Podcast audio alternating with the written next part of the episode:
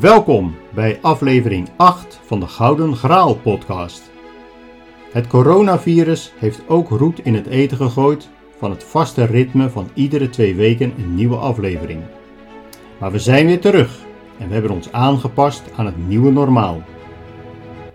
Om aan de eisen van de Nederlandse Vereniging van Podcastmakers te kunnen voldoen, houden wij ons tijdens de opname aan de anderhalve meter afstand en is er een plexiglas afscheiding aangeschaft om tijdens de opname tussen de microfoons te plaatsen.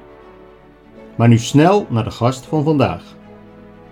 We krijgen vandaag een kijkje achter de schermen bij de recherche met Wim Perlot. Wim is direct na de schoolbanken gestart bij de politie en heeft hier tot zijn pensionering vorig jaar diverse functies gehad. Met name in zijn laatste functie als leider van het Cold Case Team Midden-Nederland heeft hij een aantal geruchtmakende zaken behandeld. We starten met een drietal fragmenten uit het interview. Ten eerste over de impact op nabestaanden als een cold case zaak weer opgepakt wordt. Wat ik in de cold case periode heb gemerkt is dat we veel meer eigenlijk aan de nabestaanden dachten. En uh, dat is met cold case wel heel bijzonder, want dat zijn zaken 20, 25 jaar oud. Waarin wij geen benul hadden, ik in ieder geval niet, um, hoe dat invreed op, op nabestaanden. Mm -hmm. de, je denkt van, ja, dat is, uh, dat is zo lang geleden. Pff. Maar dat is niet zo. De mensen denken daar nog elke dag over. En zeker als het niet opgelost is, is dat voor die mensen een, uh, ja, een, een, een groot, een, een, blijft een grote ellende. En, en uh, wij zochten, als we met een, met een cold case zaak begonnen, ook altijd de nabestaanden op voordat we met het onderzoek begonnen. Mm -hmm.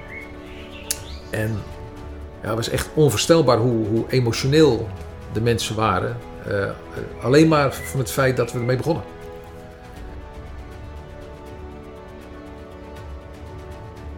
De moordzaak uit 1976 van het Heulmeisje is nog steeds niet opgelost, maar heeft alles in zich om, zoals Wim het zegt, ooit in boekvorm te verschijnen. In het volgende fragment hoor je hoe dit onbekende slachtoffer een gezicht heeft gekregen. Dus, dus zo heb je eigenlijk uh, van, een, van een onbekend lijk Mm -hmm. heb je, een, heb je een, uh, een beeld gekregen van ja, waar, waar ze geleefd heeft, wat ze, mm -hmm. wat ze wellicht gedaan heeft, hoe ze er ongeveer uitgezien heeft. Ja. Mm -hmm. En dat hebben we met de modernste technieken gedaan. We hebben een, een kleikop gemaakt, laten maken in, uh, in Engeland. Uh, bij Wilkinson.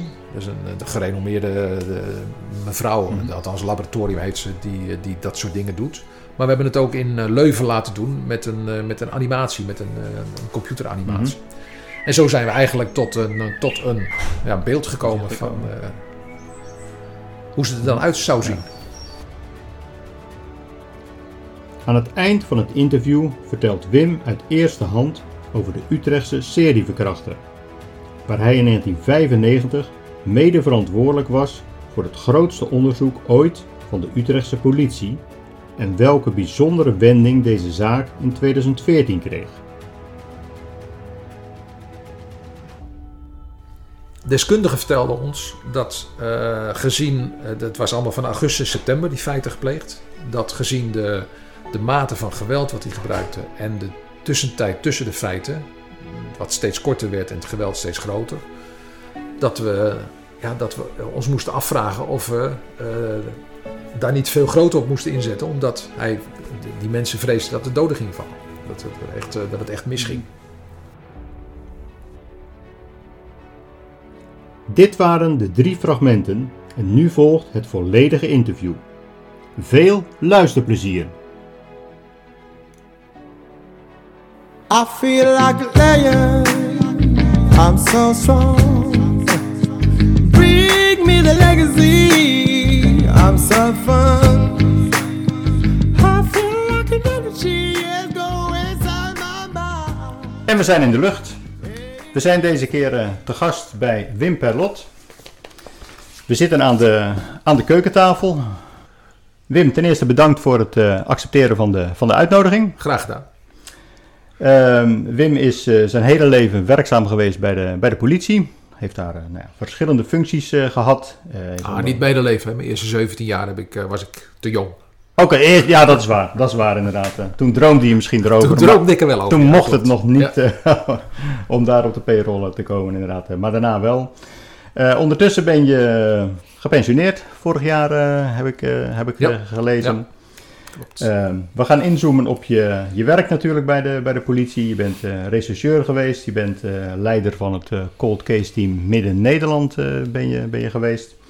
Je hebt een aantal ja, geruchtmakende zaken daarin behandeld. Die ook veel in de, in de publiciteit zijn, zijn geweest. Dus daar gaan we zeker op het eind van het interview nog wat nader op, op inzoomen. Hoe dat je dat beleefd hebt.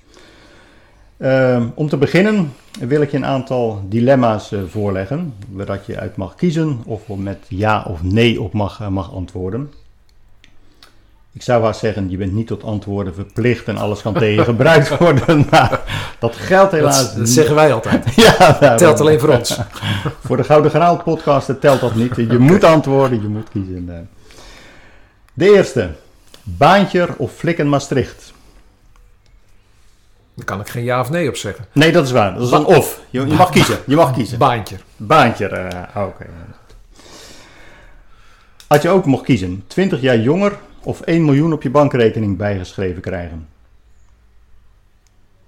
Uh, doe maar 20 jaar jonger. Dat is onbetaalbaar eigenlijk.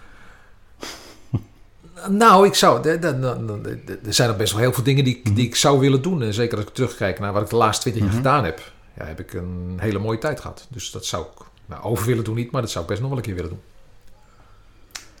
De volgende. In mijn leven heb ik meer of minder dan 10 bekeuringen gehad. Meer. komt, er ook, komt er ook heel snel uit? Zeker meer. Zeker meer. Oké. Begraven of cremeren? Cremeren. Monarchie of republiek? Monarchie.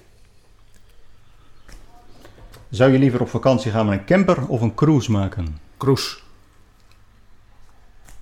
Net gedaan trouwens. Nou, kijk, dan is dan helemaal een makkelijke vraag. Eh. Ja. De perfecte misdaad bestaat, ja of nee? Ja. Donor, ja of nee? Ja. Wat zou je liever één week zijn? Minister van Justitie of minister-president? President, minister-president. Nou, ik moet zeggen, je hebt hele korte bedenktijden nodig. Eh, de meeste is een... Ja? Oh, nou ja. Heb ik het te makkelijk De vragen zijn makkelijk. de vragen zijn ook, eh, zijn ook makkelijk inderdaad. Nee, op zich uh, duidelijke antwoorden. Oké. De eerste dan toch. Je koos gelijk voor baantje. Is het heel realistisch of wordt het echt wel nou, ik vind juist Flikker Maastricht niet helemaal mhm. reëel. Er gebeuren dingen waarvan, waarvan ik eigenlijk elke aflevering zeg van... ja, dat doe je in het echt niet. Je gaat niet mm met z'n tweeën op zo'n organisatie af. dat, mhm. dat, dat gebeurt niet. Dus ik, een baantje was... Eh, het, leuke is, ik heb de, de, de Appie Baantje ooit ontmoet toen ik net bij de politie was. Mhm. Toen kwam ik in, in, in, op de Warmoestraat voor, voor een onderzoek. En toen zat daar een, een meneer aan de, aan, de, aan de bar... Of aan, aan, de, aan de koffietafel, die kende ik helemaal niet. maar die, dat bleek dus Appie Baantje te zijn. En toen, ja, toen, toen, ik kwam uit Maasje, ik werkte toen in Maasje bij de mhm. Rijkspolitie. En toen vroeg ik hoe was het? Uh, rustig nachtje geweest, uh, want het was zondagsmorgens vroeg. Uh, nee, hij zei ja, lekker rustig. Een paar berovingen, een paar. nou, toen noemde hij nog dingen op waarvoor weer Maasje ongeveer de hele wereld op zijn kop zou zetten. Maar het was een rustig nachtje geweest.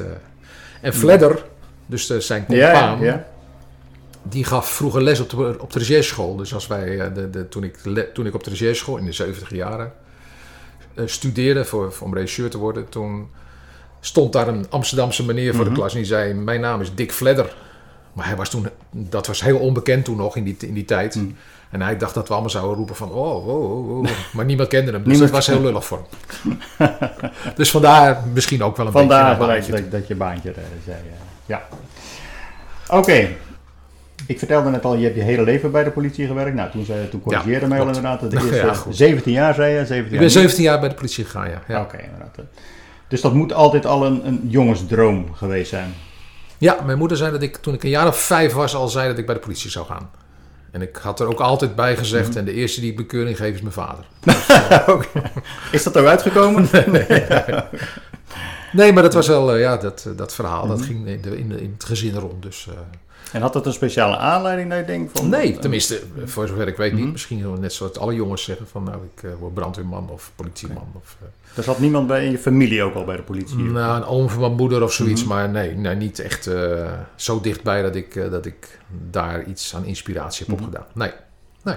Maar wel een eh, jongensdroom die, eh, nou, die eigenlijk uitkwam eh, toen ik de MULO had gedaan. eh, ja, toen heb ik gesolliciteerd en werd ik aangenomen. Dus het was eigenlijk eh, simpel. En dat begon gewoon met het straatwerk? Ja, ja ik ben een, eh, dus ja, eerst een jaar naar school. Dus Mhm. ik heb een jaar in eh, Arnhem en Apeldoorn op de politieschool gezeten, Rijkspolitie. Ik ben naar de Rijkspolitie gegaan. Ehm, en na dat jaar ben ik in Maarsen geplaatst. En eh, ja, daar heb ik de eerste vijf jaar, van 72 tot 77, eh, gewoon straatwerk gedaan. Gewoon eh, uniformwerk. En je bent, ja, je bent natuurlijk bent net 18 jaar, dus je bent ontzettend jong. En nou ja, achteraf denk ik wel eens, misschien ben je wel te jong. Maar goed, dat, dat gebeurt nou eenmaal. En in 77 ben ik, eh, dat heette toen nog groepsregisseur geworden. En dat betekent dat je in Maarsen alle recherche dingetjes deed. En het kleinere werk, en als het wat groter was, dan kwamen de jongens van de, van de regionale recherche, Mhm. Rijkspolitie. En eh, in 79 ben ik dat zelf gaan doen bij de regionale recherche. En vanaf dat moment eh, ja, eigenlijk alleen maar de grotere zaken gedaan. Een van, van de hoofdthema's waar ik wel erg eh, benieuwd naar, eh, naar ben. ehm, ik noemde hem net al, eh, al eventjes, ook, ook in ons vorige gesprekje. Is de mens van nature goed of slecht? Nou, dat is natuurlijk een hele uitgebreide breide vraag natuurlijk. Laat ik hem ietsje meer concreet maken. Kan iedereen op het slechte pad komen? Ja, denk het wel. Ja. Het is ook, je hebt natuurlijk zo'n stereotype van, van een moordenaar. Nou, ik heb er heel wat gezien en gehoord. Mhm. En die, die is er dus niet. Je hebt geen stereotype van een moordenaar. Je hebt natuurlijk eh, mensen die het moraal gewoon wat lager hebben. eh, vanuit bepaalde bevolkingsgroepen, achter, achterstandswijken. Die gewoon anders zijn opgevoed dan wij zijn, dan Mhm. ik ben in ieder geval. En ehm, dus die hebben het moraal is wat, wat minder. Maar nou, ik weet het niet in percentages, maar ik denk dat degene die ik vermoord heb gehad, veel meer uit de gewone lagen van de bevolking kwam dan vanuit die, die achterstands- eh, en criminele groeperingen. Mhm. Dus wat dat betreft ehm, ja, ben ik bang dat wij allemaal eh, dat zouden kunnen doen in bepaalde omstandigheden. Door omstandigheden zou het En door omstandigheden, ja, Ja, precies. ja. En denk je dat, je noemde het net al een klein beetje, maar wat denk je wat meer bepalend zou zijn? De afkomst of toch, toch het karakter wat in de mens zit? Ja, het is een beetje een combinatie. De, de afkomst heeft er zeker mee te maken. De, de, bijvoorbeeld, eh, we hebben een moord gehad in woonwagenkringen. Ja, daar wordt gewoon anders omgegaan met, ehm, met de wijze waarop ze, waarop ze naar elkaar kijken. Waarop Mhm. ze naar de naar maatschappij, maatschappij kijken. Zigeuners hebben dat ook. Die kijken gewoon... eh, het, het is normaal dat je daar steelt. Dat, dat is een onderdeel van hun cultuur. En eh, wij vinden dat slecht, zij vinden dat normaal. Eh, ja, dus daar zit, daar zit wel een verschil in. Maar gemiddeld genomen, als je, als je, en dat, zijn vaak eh, vermogensdelicten. Als je naar eh, levensdelicten kijkt, dan zit daar niet zoveel verschillen in, in die verschillende lagen. Je ziet natuurlijk in liquidaties, zit, zit daar wat meer in. Maar het aantal liquidaties is gemiddeld genomen, zeker de eerste jaren dat ik het werk deed, lager dan, dan de andere moorden die er zijn. De laatste jaren lijkt het wat, wat anders, maar het aantal moorden stijgt of daalt gigantisch de, de laatste eh, 10, 20 jaar.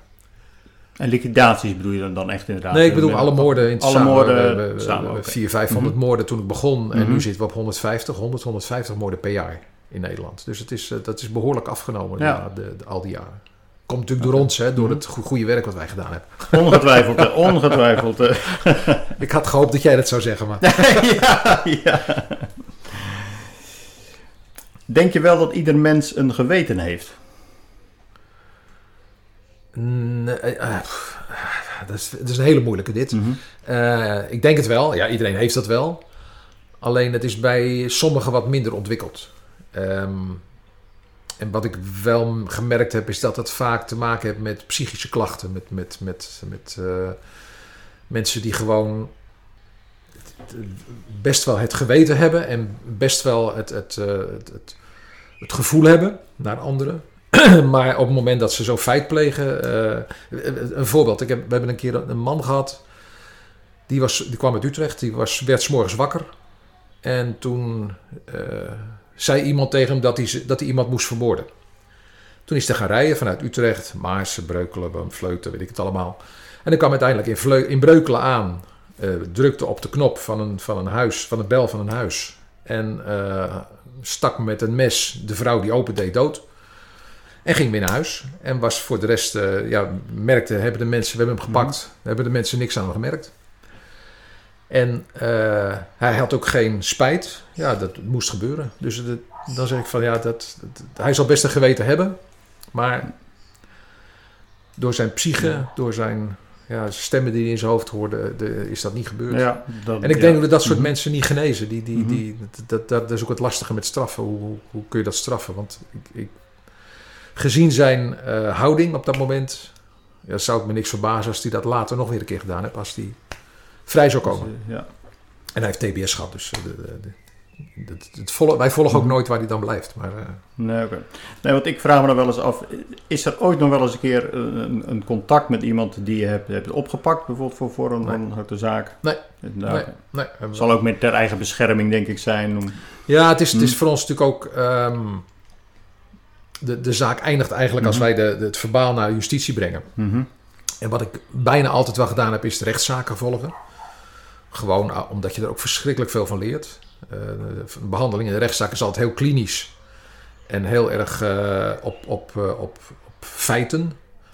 En, dan, en, en, waar wij met het onderzoek mee bezig zijn, is natuurlijk veel breder. Er is ook veel meer op gevoelens. Mm -hmm. En van ja, zou het, nou enzovoort enzovoort. Je gaat allemaal scenario's bedenken. Um, je leert verschrikkelijk veel van, van zittingen. Maar voor de rest, ja, dan, dan houdt het ook op. Ik, ik heb altijd gezegd het verbaal wat wij maken, dat moet zodanig zijn dat een rechter daar zijn oordeel uit kan, kan halen. En wat de straf daarna is, ja, dat bepalen wij niet. Dat bepaalt uh, de rechter uiteindelijk. Maar ja, dat bepaalt het, het, een, ander, een ander gremium. En daar zitten zoveel andere dingen bij uh, dan alleen wat hij gepleegd heeft. Want de persoonlijke omstandigheden zijn van belang en psyche. En nou, dan krijg je allemaal mm -hmm. dingen waarvan, waar we toch niks aan kunnen doen leer je dan ook wel in die rechtszaken dat je denkt van oké, het wordt nu zo behandeld, dus de volgende keer als ik weer zo'n soortgelijke kwestie zaak ja. zou hebben, ja. dan moet ik het ofwel misschien net iets anders formuleren in een procesverbaal. Nee, dat klopt, ja. Mm -hmm. Nee, ja, da da daarom, mhm. dat is ook de belangrijkste reden dat we eigenlijk altijd wel uh, naar rechtszaken gingen om dat soort dingen te doen. Mm -hmm. Dus als je, als je bijvoorbeeld uh, uh, verklaringen had opgenomen, um, dat je, dat je echt heel strak moet zijn in, in, in de feiten die gepleegd zijn. Dus dat je niet met een verhaal. We, we zeggen altijd: mhm. je hebt een procesverhaal en een procesverbaal. Ja.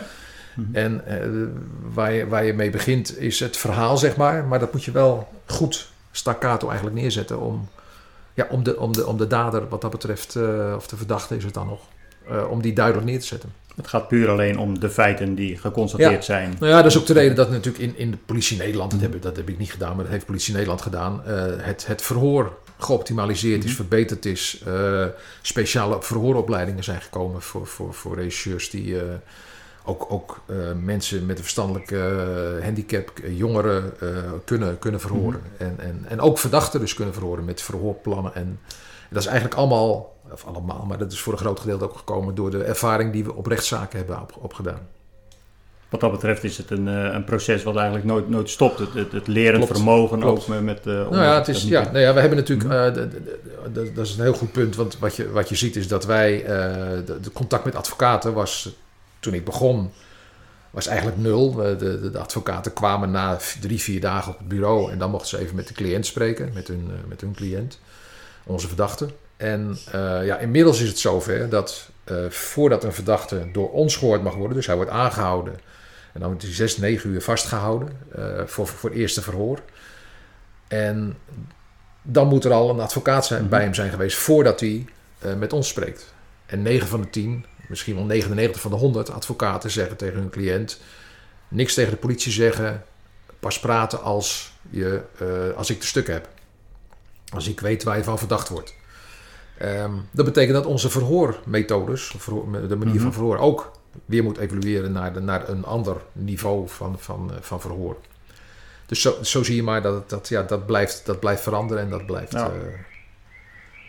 Want zou je, denk je, ook advocaat hebben kunnen worden en zeg maar verdachten hebben kunnen verdedigen?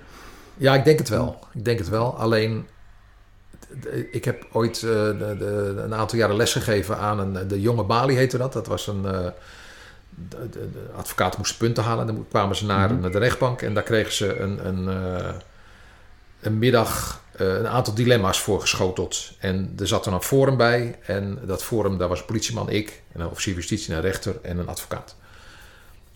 En nou, dan praat je dus met, met advocaten en die er, zat, er zaten een aantal advocaten bij van de Doedensclub noemen wij dat. In ieder geval de club van, van eh, nou, minder eh, Mhm. leuke advocaten.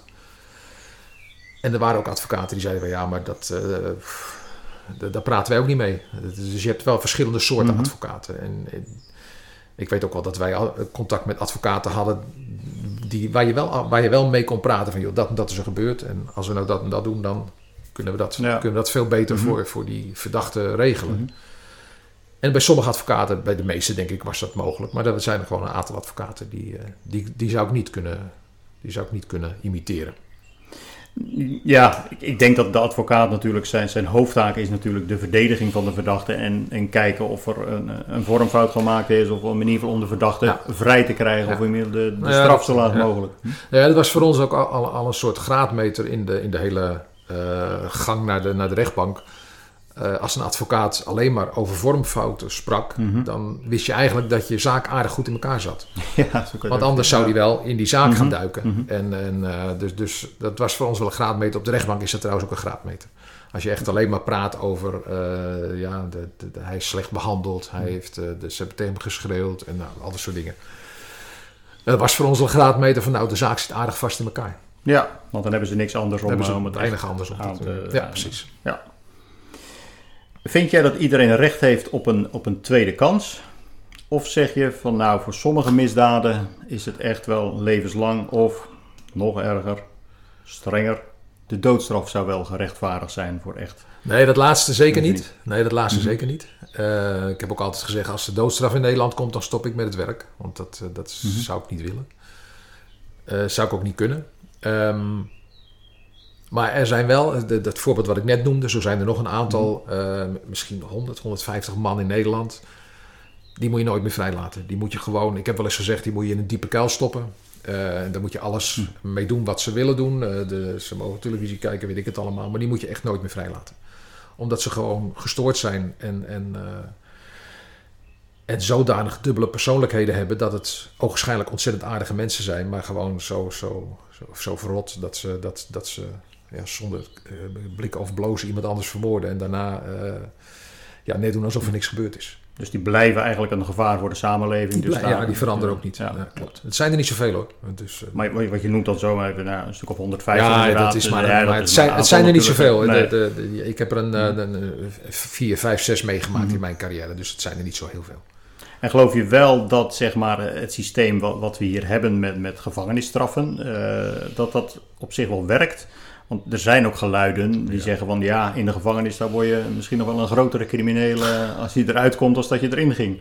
Ja, het is natuurlijk het, hele, het hele eh, proces wat er is eh, van, van plegen tot straffen. Ja, dat, dat, dat blijft een lastige. Dat, dat, ik denk dat het het minst slechte is in ieder geval. En ik denk ook wel dat mensen... ehm,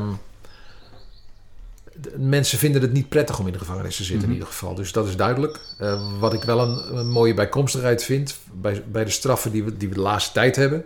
is dat ze ook financieel aangepakt worden. En ehm, de combinatie van eh, straffen, maar ook financieel nog een last Mhm. ervan krijgen. Ik denk dat dat een aardige combinatie is. Want het gaat, eh, zeker bij beroepscriminelen, toch meestal om het geld. En niet om, om allerlei andere dingen. Dus, dus wat dat betreft heb ik wel gemerkt dat dat harder aankomt soms dan, dan twee, drie, vier, vijf jaar in de gevangenis. Want je zegt dan straffen ook financieel. Bedoel je dan voornamelijk vermogensdelicten? Want als je zeg maar een... een ja, Nou ja, een een moord is vaak ook om, om, om Mhm. geld te krijgen. Eh, is, is ook eh, voor, bij een overval of weet ik veel. mhm. Uh, dus, dus, maar dat bedoel ik het wel, ja, waar het over geld gaat. Los daarvan heb je natuurlijk bij, bij zaken... kunnen, kunnen de slachtoffers uh, smart geld krijgen, zeg maar, ja. mm En dat is, maar dat zijn geen gigabedragen zoals in Amerika. Dat gaat om enkele tienduizend euro's, wat mhm. best wel hoop geld is. Maar dat, dat zijn niet van die, van die gigabedragen. Van waaruit denk je dat je passie is ontstaan? Want nou ja, goed, je, je moet wel een bepaald gevoel hebben om dit werk gedaan te, te, te kunnen hebben. Denk je meer dat je ja, heeft dat altijd in je gezeten? Of? Nee, nee, want nou ja, dat weet ik, dat, dat zal wel, maar dat, mhm. dat, wist, dat wist ik in ieder geval mhm. niet. Nee, ik heb altijd gezegd dat ik op zo'n Porsche ging rijden. In, eh, in, toen ik bij de politie kwam, ja. uh, toen zei ik, ik ga op, op zo'n Porsche rijden, dat vind ik wel wijs. Mm -hmm.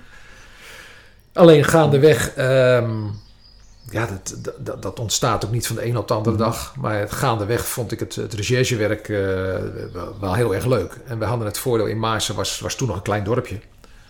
Uh, met 15.000 inwoners. Uh, er was nog geen Maarsenbroek. Um, en dat betekende dat wij, um, als we naar een inbraak gingen s'morgens, omdat er ingebroken was ergens, dan gingen we vervolgens ons, ons uniform uitdoen. Dan deden we onze burgerkloffie aan en dan gingen we dat onderzoek doen. En zo heb ik mhm. eigenlijk in de loop der tijd. Want ze zagen ook wel dat ik dat wel leuk werk vond. Nou, doe je dat steeds vaker. Mhm. En dat is de reden dat ik ook vrij jong, want ik was toen 22, 23, al groepsregisseur werd. En alleen maar dat recherchewerk, bijna alleen maar. Want ik moest wel het weekend nog gewoon in uniform werken, mm maar voor de rest in dat, dat recherchewerk deed. Dus zo, en zo ben je er langzaam ingegroeid. En dan, uh, ja, dan zie je, dan, dan kom je met moordzaken, grotere zaken in aanraking. En dan denk je, potverdomme, dat is, uh, dat is mooi. En dan, uh, nou, dan toen Maas gemeentepolitie werd, wilde ik bij de Rijkspolitie blijven. En dan kreeg ik de kans om naar de districtrecherche te gaan. En dan, ja, dan zit je in de, in de grootschaligere onderzoeken. Ja. Boven regionaal.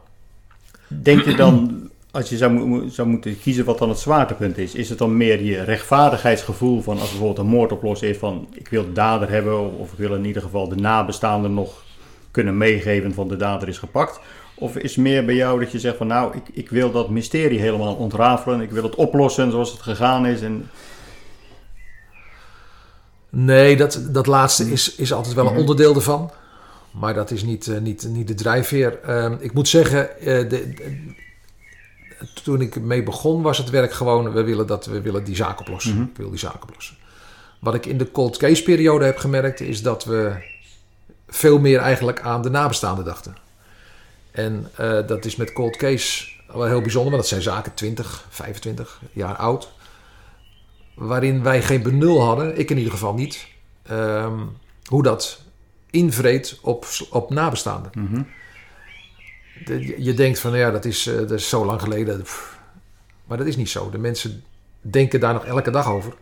En zeker als het niet opgelost is, is dat voor die mensen een, uh, ja, een, een, een, groot, een, een, blijft een grote ellende.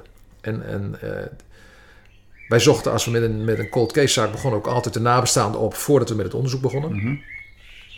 En ja, het was echt onvoorstelbaar hoe, hoe emotioneel de mensen waren. Uh, alleen maar van het feit dat we ermee begonnen. En ik heb in, in, verschillende lezingen over zaken ook wel gezegd van... dit, dit, het mooiste van het werk van cold case is eigenlijk wat je doet voor nabestaanden. En hoef je het niet eens op te lossen. Hè. Ik, de, mhm. ik, heb, ik heb wel, we hebben wel een moord een keer opgelost in Hilversum. En de dochter van die man, die zei het had, heeft toen voor de rechtbank gezegd van nou het is eigenlijk altijd bewolkt geweest. Het was 17 jaar geleden of zoiets. Ze zegt en nu, uh, nu schijnt voor het eerst de zon weer. En dan denk ik van nou, nou, daar hebben we het voor gedaan. We hebben ook vijf verdachten aangehouden, die zijn ook veroordeeld. En uh, maar dat, ja, die drijfveer is, is bij cold case wat minder. De eerste jaren was het gewoon uh, je, een moord en die ga je oplossen. Je gaat de dader pakken. Dus daar zit wel een, ja, een verschilletje in, eh, in, de loop der jaren. Ja, en met een cold case zeg je eigenlijk van ja, het helpt dan de nabestaanden. Ten eerste al dat je er aan begint aan de, aan de cold case. Om, om, en als je het dan ook nog oplost, nou ja, dan kunnen zij misschien helemaal het hoofdstuk meer afsluiten ja, als daarvoor. Ja, dat klopt. Ja, en die mhm. mensen zijn er, zijn er ook uh, mee bezig in de zin van echt mee bezig. Dus ze mhm. zijn ook, uh, ze proberen ook op allerlei manieren proberen ze die zaak weer heropen te krijgen. Je, het, het, je ziet het nu landelijk ook gebeuren mm -hmm. dat er een, een, club mensen is van nabestaanden die via de ministerie, via de minister proberen om uh, in, in, inbreng te hebben in welke zaken de politie kiest om, om cold cases te doen. En dat snap ik, want die Mhm. mensen zitten daar, eh, die zitten daar veel meer mee dan wij als politie ooit gedacht hebben. Ja. Is het zo dat de laatste jaren eh, het aantal zaken wat op die cold case eh, nou ja, workload zeg maar dan eventjes binnen is gekomen, dat dat wel stijgt? Dat er meer zaken opgepakt worden? Of is dat oh ja, er worden wel meer zaken opgepakt. Ja, Mhm. ja er worden wel meer cold cases. Nou ja, kijk, cold case is natuurlijk een, eh, een fenomeen wat begonnen is, wat is het nu, 2020, een jaar of tien geleden Mhm. denk ik, 12.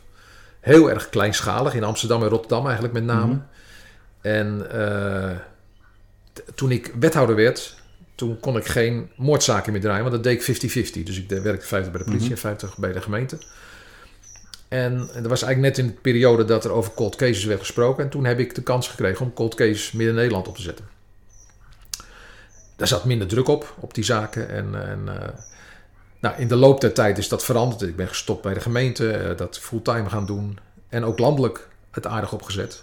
En je ziet nu dat er in, elk, eh, in elke eenheid, er zijn, zijn eh, 12 eenheden geloof ik in Nederland inmiddels, is een cold case team nu. En dat betekent dus dat er ook ehm, daar waar vroeger alleen maar gekeken werd naar er komt een tip binnen over een oude zaak, daar gaan we aan werken. Zijn we nu andersom gaan werken, hebben gezegd van wij gaan zoeken of er in oude zaken nog aanknopingspunten zijn om een zaak op te starten. Ja. En wat we in Utrecht gedaan hadden, we hadden 150 zaken, of moordzaken, want eh, er waren veel meer zaken, maar 150 moordzaken. En daarvan, die hebben we allemaal bekeken. en op, die, op dat moment hebben we gezegd van nou, we gaan eh, een top 10 maken van eh, zaken waar we aan gaan beginnen.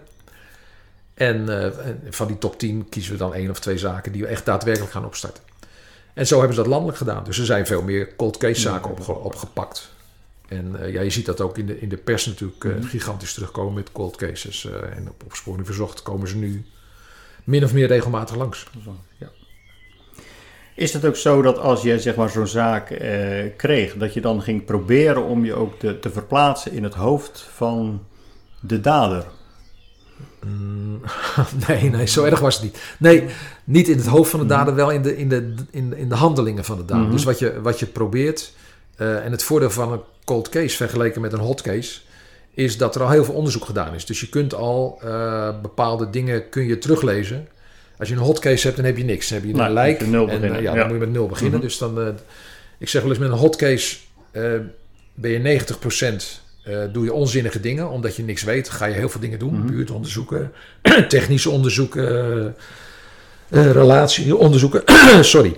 Mhm. En ehm, bij een cold case kun je dat allemaal al. Is het allemaal al gebeurd. Ja. Dus, dus wat je eigenlijk moet doen is proberen daar vanuit scenario's te werken. En vanuit scenario's te zeggen van ja, wat kan er nou gebeurd zijn? Eh, waarom is dit? Waarom is dat? En je probeert je dus in de handelingen te verplaatsen van degene die dat gedaan heeft. En het, het, het, het waarom, het motief daar, daarin. Zou je dan eigenlijk kunnen zeggen dat een, psycholoog eigenlijk ook een goede rechercheur zou zijn? Ja, maar we hebben ook psychologen bij de politie. Die, die zitten er zeker Mhm. bij. Zeker eh, de, waar we ook, eh, die, die we ook gebruiken als, eh, als we dit soort dingen doen. Dat klopt. En, en ook bij verhoren. Mhm. Eh, als we eenmaal iemand hebben of bij, bij getuigenverhoren of... eh, die ons assisteren in, het, in, in, in, in dat soort dingen. Zeker. Heb je ook al als rechercheur eh, aparte een onderdeel van, van je training, bijvoorbeeld met, met, met lichaamstaal te kunnen onderkennen? Ehm, nou ja, dat zit, Mhm. dat zit bij die verhoortechnieken. Eh, zit dat Mhm. erbij. Ik heb zelf ooit een keer Near-Linguistic Programming gedaan. Ik weet niet of Ja. je dat kent. Ja. En eh, ja, dan, dan leren ze je als je naar boven kijkt, links en naar rechts en Mhm. naar beneden en Ja. zo. Of je dan liegt en al dat Mhm. soort dingen. Mhm. daarna, daarna let je erop. Maar ik moet zeggen, het, het is... Nee, nee, het, het, is, het, is, het is niet mijn ding. Als de andere kant het ook weet natuurlijk, kan die precies de andere kant op Ja, kijken. precies. nou ja, de, de- ja precies. En, Ja. Maar het is, ja goed. maar, maar je let ja. wel, eh, maar in de, in de verhoren, ehm, wat, we, wat we de laatste jaren, al lange jaren deden, was eh, meekijken met, met, de, met de verhoren. Dus je had Mhm. een eh verhoorkamer, er stonden camera's en in het kamertje naast stonden monitoren en dan keek je op. En wat je als verhoorder vaak niet ziet, zie je als observant wel, eh, dat, dat hij inderdaad op bepaald, bij bepaalde vragen op bepaalde momenten in het verhoor eh, ja, non-verbaal dingen doet. Mhm. En dus daar let, je, daar let je zeker op. En het, het, het, het klopt ook bijna altijd. Dus en kan het bijvoorbeeld zijn dat als iemand eh, tijdens een verhoor altijd, als die bijvoorbeeld dan niet de waarheid spreekt, eventjes aan zijn Ja, gezicht zit? Ik noem hem op. Precies, Dat, dat soort dingen ja. moet ik aan hem denken. Dat bedoel ik. Oké. Ja, dat, is, Mhm. dat is exact. Ja. Mhm. En dat valt je als verhoorde Mhm. veel minder op, omdat je bezig bent met het stellen van vragen. Je probeert, eh, en het, het, zeker als je een, een, een ontkennende of een, een niet spratende verdachte hebt, is het heel moeilijk om een verhaal gaande te houden. Dus, dus dan zit je eigenlijk, je hebt een vraag gesteld, maar dan zit je eigenlijk alweer te denken, omdat hij, ja, of zij, weer, meestal Mhm. hij trouwens, niks zegt of eh, nou, een beetje zit, te- zit te zemelen, dat je, dat je alweer denkt aan, van, wat verdorie, De volgende hoe moet ik nou weer... Mhm. eh, eh, De en dan heb je veel minder zicht Mhm. op die, op die non-verbale activiteiten. Terwijl ze wel heel belangrijk zijn. In de, in de, ik heb die- nooit een specifieke verhooropleiding gehad. Ehm, maar dat leren ze bij die specifieke verhooropleidingen zeker. Ja, dat is zeker een groot onderdeel ervan. En ik, ik weet niet of die nu nog steeds bestaan, maar vroeger hebben we toch wel een periode gehad en dan werkten ze ook met een leugendetector. Nee, heb ik nooit gehad. Nooit gehad, eh, oké. Nee, ja, tenminste in Nederland niet. Ik heb wel, in- in- je ziet het wel en ik Mhm. heb ervan gelezen. In, eh, in, Mhm. eh, ik heb trouwens net een serie op Netflix gezien waar ze het in België deden. Oké. Dus ik weet niet of het nog Mhm. zo is. Maar bij ons niet. Mhm. We hebben het nooit... eh, Terwijl je eigenlijk toch zou zeggen van, nou ja goed, die, je man op plakkers op, op je huid zeg maar. ja, maar het is niet, het niet betrouwbaar genoeg. Nee, het is, Oh, het is oké, eh, dus het is onbetrouwbaar gebleken. ja. Nee. Het enige waar ik, waar ik in verhoren... eh, het meest bijzondere in, in, in verhoren is, is hypnoseverhoor. Wat ik, wat ik een paar keer meegemaakt heb. Waarin, Mhm. waarin mensen onder de hypnose worden gebracht. En vanuit, eh, van, vanuit die hypnose eh, de situatie teruggaan die, ja, die, die toen dat, dat feit, tot dat feit leidde. Mag ook niet meer Mhm. trouwens. Bij jullie in de buurt, Schiedam, is dat ooit gebeurd door een Mhm. mevrouw die had een kind vermoord. Maar die had de politie gebeld en gezegd, er was een indringer. En eh, die heeft eh, mij verwond, want ze was gewond. En die heeft mijn kind vermoord. Onder hypnose heeft ze dat ook heel gedetailleerd verteld. Mhm. Met C-element en weet ik het allemaal erbij. En dat bleek ze ook onder hypnose totaal verzonnen te hebben. Oké. Ze heeft het zelf gedaan. Eh, dus vanaf dat moment was, Mhm. het, eh, was het verboden. Wat ik meegemaakt heb was bij een, een, een, die is nog nooit opgelost trouwens, een, een moord in uh, Kokkengen. Vonden we een mevrouw dood in een sloot, naakt. En die bleek de avond daarvoor ingeschreven te zijn in een, eh, in een hotel in Amsterdam. En degene die dat gedaan had, kon zich niks herinneren. En onder hypnose heeft ze dat totaal helemaal verteld. Hoe ze eruit zag. Maar ook dat er een enge man achter haar stond. En op hebben- ik heb er niet bij gezeten, maar later het bandje helemaal, helemaal uitgewerkt. En ehm, dan hoor je in haar stem ook dat ze, dat ze schrikt van de man en hoe eng die eruit ziet. Mhm. dat, dat hoor je helemaal gebeuren op die, op die band. Dat vond ik echt heel frappant wat, eh, wat er toen gebeurde. Ehm, en we hebben, hem ook, we hebben haar ook een compositietekening laten maken naar aanleiding van dat gebeuren. Want zij herinnerde zich daarna eigenlijk die man weer en kon ook Details geven. op, Mhm. op het gewone moment, zeg maar, zonder hypnose kon ze, Mhm. kon ze een element geven. Heel bijzonder, heel bijzonder. Maar goed. Dan een vraag van, eh, van Hugo van Amerongen. Ja, die, die heeft mij aan jouw Ja. adres eh, geholpen. Ja. Onze is de contacten gelegd, zeg maar. Welke waarden en normen heb je toegepast toen je leiding aan je team gaf? Hugo Dank- stelt altijd moeilijke Hugo. vragen. Dankjewel. Hugo. Ehm, nou ja, kijk, wa- wat wij, wat wij altijd gedaan hebben, ehm, is om te proberen de, de, de menselijkheid te houden van, eh, van, van alles wat je doet en wa- wat je, wat je denkt te moeten bereiken. Ehm, wat ik heel belangrijk vond, was het teamwork. Dus wel, je, je hebt altijd grote teams. Hè? Als, je, als je een moordzaak hebt, dan zit je zo met 20, 30 man Mhm. eh, bij elkaar. En daar probeer je een leiding aan te geven. Dat zit in gradaties met, met, eh, met, met een subleidinggevende, de tactische, forensische informatiepoot. Ehm, en wat ik altijd geprobeerd heb als, als, als, als, groot goed is van jongens, eh, we zijn met elkaar bezig. Niemand is belangrijker dan de ander. Eh, we proberen de waarheid naar boven te halen. En vanuit die professionaliteit eh, gaan we met z'n allen om. En gaan we met z'n allen zorgen dat we die, die zaak oplossen. Dus, dus, dus dat, dat heb, dat, zo hebben we het eigenlijk altijd gedaan. En ik moet zeggen, dat werkt altijd prima. Het, het- iedereen is, is, is echt gemotiveerd om een zaak op te lossen. Echt heel erg gemotiveerd. Dus die moet je eigenlijk eh, naar huis sturen.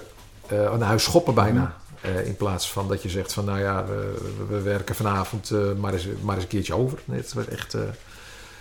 echt, echt heel erg veel inzet. En dat, dat, maakte het, dat maakte het onderzoek ook altijd zo mooi. Je kon ook, we konden ook altijd tot gaatje gaan. Het, het, het voordeel van moordonderzoek is dat je, dat je ook altijd net Mhm. weer een tikje verder kan dan met bijvoorbeeld een, eh, een onderzoek naar een inbraak of zoiets. Ja, de, de betrokkenheid zal sowieso Ja. een stuk hoger, Ja. eh, hoger zijn. hè. Ja, maar dat is ja, dat, dat, dat, dat moet je wel met elkaar zien, voor elkaar zien te krijgen. Heb je ook dan wel eens mensen die in je team zeg maar even een paar dagen rust moet geven omdat ze zo ver erin doorgaan dat ze niet meer te stoppen zijn en dat eigenlijk, nou, ja, Nou, het- nee, dat, Mhm. dat, dat niet. Mhm. Wat ik wel een keer gedaan heb is, toen is er een collega vermoord in Vinkenveen. eh door, een, door een paar bankovervallers. Eh, de- die zat er achteraan en die is toen in zijn nek geschoten. En eh, een aantal collega's die, ehm, die daarbij waren, zaten ook later in het, moord, in het onderzoek naar de daders en naar, naar de, wat er gebeurd was. En die heb ik wel naar huis gestuurd, want die konden het, die konden het fysiek niet Mhm. aan. eh, die, die, werden, ja, die, wilden alleen, maar- die wilden alleen maar doorgaan eigenlijk. Eh, en dat ging niet goed. Dus die hebben we toen gezegd van jongens, jullie moeten er echt mee stoppen, dit, eh, dit gaat niet goed. uit, eh, uit zelfbescherming ook een stuk. Uit zelfbescherming, ja. Ja. ja. ja. Ja. En daar zijn ze me nu dankbaar voor. Althans nu. Daar waren ze me Mhm. achteraf dankbaar voor. Op En, dat eh, moment waarschijnlijk heel boos. helemaal Heel niet. boos. Ja, heel boos. ja. Ja. Is ook wel menselijker, denk Ja, ik. klopt. Ja, Ja, ik- zo. Ja. Volgens mij, als ik het goed eh, gelezen heb, eh, ben je ook betrokken geweest bij de, de Cold Case kalender. Ja. Ehm, ja, zeker. ja, ik weet niet meer precies hoe, hoe jaar geleden dat dat is. Maar Drie misschien- jaar denk ik, vier jaar, Oh, Oké. zoiets. Wat kan je misschien kort vertellen wat daarvan de bedoeling was?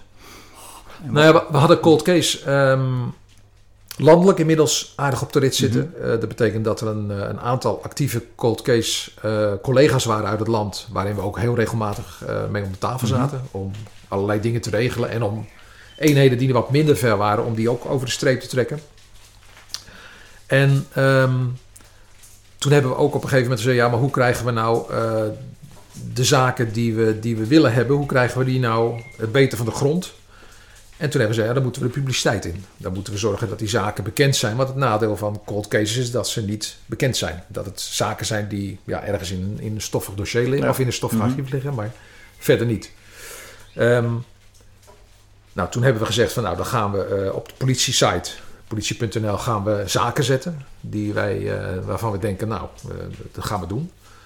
Het probleem is, was alleen dat we bij het verdere nadenken erover dachten van, potverdorie, maar mensen die echt veel van zaken weten, zitten in de gevangenis.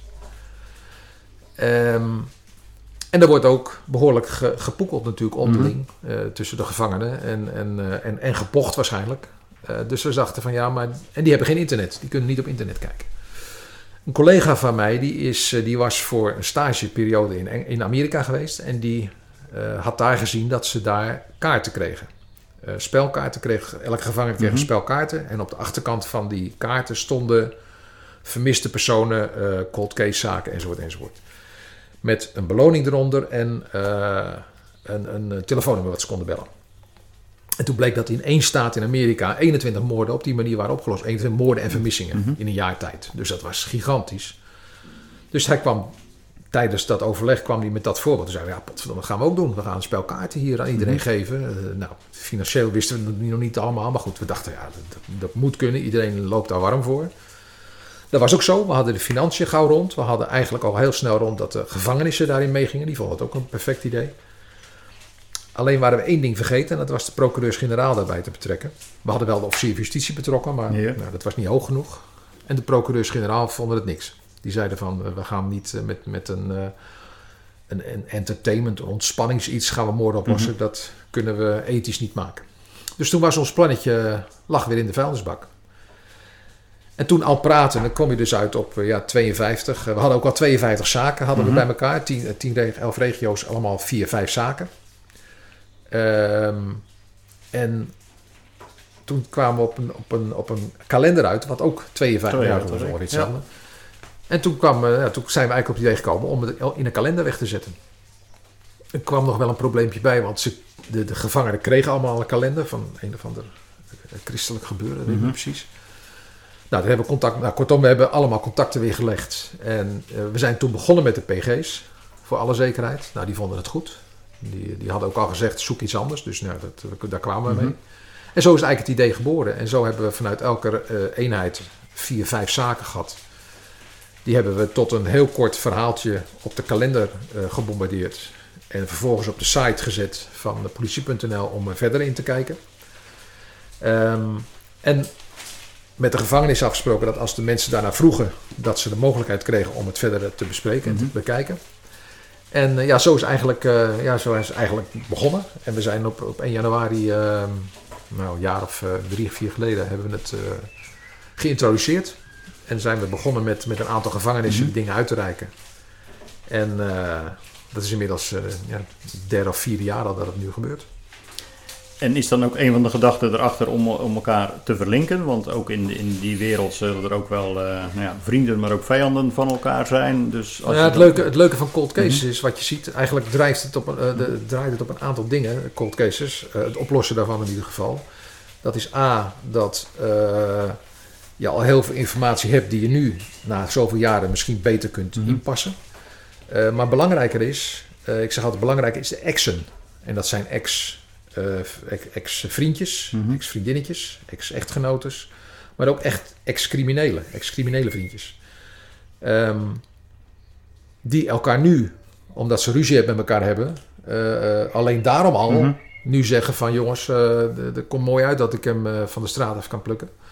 Ik ga mijn verhaal doen wat ik toen van hem gehoord heb of wat ik toen meegemaakt heb of weet ik veel. Is het ook anoniem? Eh, kan ook anoniem, ja. Oké. ja, ja, ja. Mhm.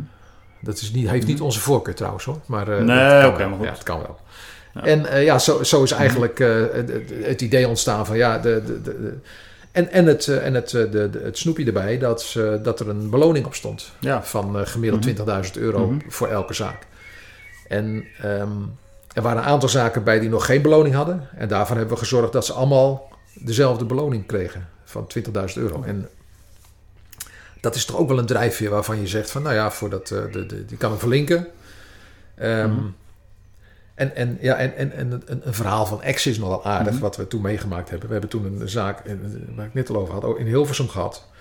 ehm, waarbij een ex opsporing verzocht zag, want we hebben het op opsporing verzocht gebracht. En toen ineens een aantal dingen op een rijtje kreeg van haar ex-man, die ze al wel vreemd vond. Mhm. Eh, want wat was het geval? Hij, eh, ze hadden een man eh, in elkaar geslagen op een parkeerterrein langs de Rijksweg, 27 Hilversum. Boterrammen. En, maar ze hebben ook een jas van hem gepikt en, een, en een, eh, zijn rijbewijs. Mhm. En zijn vrouw, zijn ex-vrouw dus inmiddels, maar toen, toen ze nog getrouwd waren, toen het gepleegd werd, eh, heeft dat rijbewijs een keer gevonden in een laadje. En toen heeft ze die, die, die heeft ze gezien. Mhm. En toen heeft ze aan de man gevraagd, wat is dat? Ja, dat, ik heb dat eh, van iemand gekocht omdat het een groot rijbewijs is. En ik, eh, Mhm. ik kan geen groot rijbewijs halen, maar ik wil wel een groot rijbewijs Mhm. kunnen rijden. Dus dat, daar wil ik ervoor gebruiken. En toen ze die foto van het slachtoffer op tv zag, toen zei ze, dat was de foto van die man Ja. op, de, op, op, die, op dat rijbewijs. En ja, dat had ze eigenlijk nooit. Ze had dat verhaal voor waar aangenomen. Mhm. En dan zie je ineens dat door zo'n klein dingetje eigenlijk... wordt die zaak opgelost. Wordt het verband eh, gelegd? eh, ja. Want eh, kan je zeg maar een bepaald percentage aangeven die die cold case team kalender heeft, heeft opgeleverd? Nee, dat kan ik niet. Mhm. Ik kan wel zeggen wat ehm, de oplossing van cold cases is... van zaken die we weer opgepakt hebben. Mhm. En dat zit rond de 30 procent. Oké, Dus dat is best de- hoog. van- ja, dat is hartstikke Mhm. hoog. Daarom hebben wij ook Ja. altijd gezegd... als je van de 150 zaken die wij hadden... een derde zou kunnen oplossen... ja, dan ben je gestoord als je het niet doet. Ja. Ja. Ehm, maar het kost wel capaciteit. Mhm. En dat is, dat is natuurlijk in deze schaarse tijden... en dat is al jaren zo natuurlijk... is dat, is dat lastig. Dat- En wij moeten concurreren als cold case met hot cases. En dat, dat is lastig. Want hot cases, ja, die liggen in feite op straat, hè, zeg maar. Dus... eh, ja, dat, dat, dat is een lastig. Ja, die, die- die- Maar, maar het is, wel, het, het is best, wel, eh, best wel lucratief Mhm. om, om cold cases eh, aan te pakken. ja nee, zeker als 30 procent. Ja, precies. Ja, dat vond ik ook. Ja, ja dat, eh, dat, dat was ook voor ons een, eh, ja. behoorlijk item om dat te gaan doen. Ja, Ja. klopt. Nou, nu we het daarover hebben, over een, eh, een cold case. eh, een hele bekende, waar dat je ook eh, ja, veel bij betrokken bent, eh, bent geweest. Zelfs eh, op eh, tv, Nederlandse tv. eh Pauw Witteman heb ik vorige week nog Ja. even een aflevering terug zitten kijken. Duitse tv ben je geweest. Het Heulmeisje. Onder die naam is ze zeg maar in de publiciteit gekomen. Nou, we hadden het net voordat we de, de rode knop indrukten van de opname al eventjes erover van ja, waarom is dat nu zo'n zo'n grote Ja. zaak geworden, ook in de publiciteit. Wellicht ook omdat, nou ja goed, ik heb hier nog even een foto erbij gezocht. Het, het heeft een gezicht gekregen eh, aan Ja. de hand van, eh, ja, klopt. van, van onderzoeken, zeg maar. Eh, dus misschien dat het daardoor wel, wel meer spreekt. Nou ja, het is ook een beetje een CSI-verhaal. We, we hebben natuurlijk een, Ja. een, een, Mhm. in 67 is, 76 is, ze- is ze vermoord Mhm. gevonden. Eh, ja, en het verhaal wat eromheen zit is natuurlijk eh, heel bijzonder, omdat we eerst geen identiteit hadden, geen dader. Tien jaar later hebben we een identiteit en wordt ze als Monique Jacobs begraven. Maar weer twintig jaar later komt Monique Jacobs en zegt: Joh, ik leef nog gewoon, dus er is Ja. niets met me aan de hand. mhm. Ehm, dus dat maakt het verhaal wel heel apart. En in die tijd hebben we behoorlijk wat, eh, wat, wat CSI-achtige dingen gedaan. Mhm. eh, Met isotopenonderzoek, haaronderzoek. Eh, kortom, op die manier hebben we geprobeerd om een beeld te krijgen van waar ze vandaan kwam, wat ze, wa- wa- waar ze geleefd heeft. wat je allemaal uit isotopen Mhm. kunt halen. Ik niet, maar, maar knappe koppen in Amsterdam Ja, kunnen dat. En zo zijn we er eigenlijk achter gekomen dat ze een bepaald soort zwavel in haar eh, tanden had. Mhm. Wat erop duidde dat ze in, in een zwavelgebied, en dan kwamen we uit in de Hars in Duitsland, geboren zou zijn. Nou, zoveel jaren daar gewoond, eh, in Oost-Europa heeft gewoond. eh en de laatste tien jaar ongeveer in, dichter bij de zee. Want dat heeft weer met water en weet ik het Mhm. allemaal. En dat haal je met name ook uit de haren, omdat haren groeien, precies weet ik niet, maar een, een, een stukje per, per, per maand. Mhm. En eh, die, die pakken de stoffen op die in de lucht zitten. Trouwens, soms groeien ze wat meer als je niet in de kapper kan, maar Gelukkig kan dat weer nu. ja. Ehm, dus, dus zo heb je eigenlijk eh, van, een, van een onbekend lijk... Mhm. heb je een, heb je een, eh, een beeld gekregen van ja, waar, waar ze geleefd heeft... Wat ze, wat ze wellicht gedaan heeft, hoe ze er ongeveer uitgezien heeft. Ja. Mhm. En dat hebben we met de modernste technieken gedaan. We hebben een, een kleikop gemaakt, laten maken in, eh, in Engeland. Eh, bij Wilkinson. Dus een, een gerenommeerde de, mevrouw, Mhm. althans laboratorium heet ze, die, die dat soort dingen doet. Maar we hebben het ook in eh, Leuven laten doen met een, eh, met een animatie, met een, eh, een computeranimatie.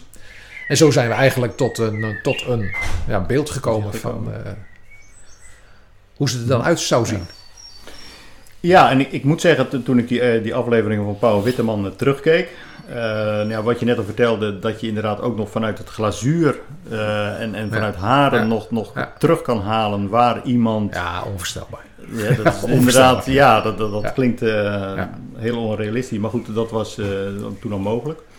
Je zou ook zeggen... Ja, kijk, het was, dat was ehm, voor ons ook een, een verrassing hoor. Want eigenlijk de reden dat ik bij Paul Witteman was, Mhm.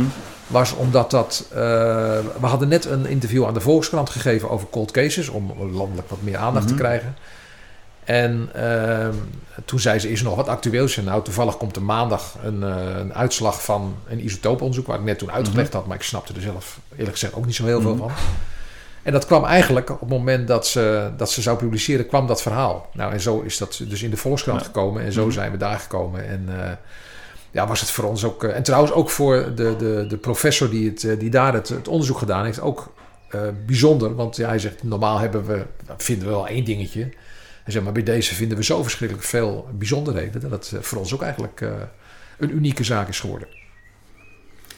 En dat hele jammer is natuurlijk dat het nog steeds niet is, Ja. is opgelost. Ja, dat is echt heel jammer. Ja, ja, ja, het is, het is, ja we zijn er wat dat betreft erg door het gaatje gegaan. We zijn echt zowel tactisch als technisch Mhm. verschrikkelijk ver gegaan. In Duitsland ook. Ik heb eh, heel veel contact met Duitse collega's Mhm. gehad. Maar we zijn in Polen geweest en eh, nou, noem alles maar op.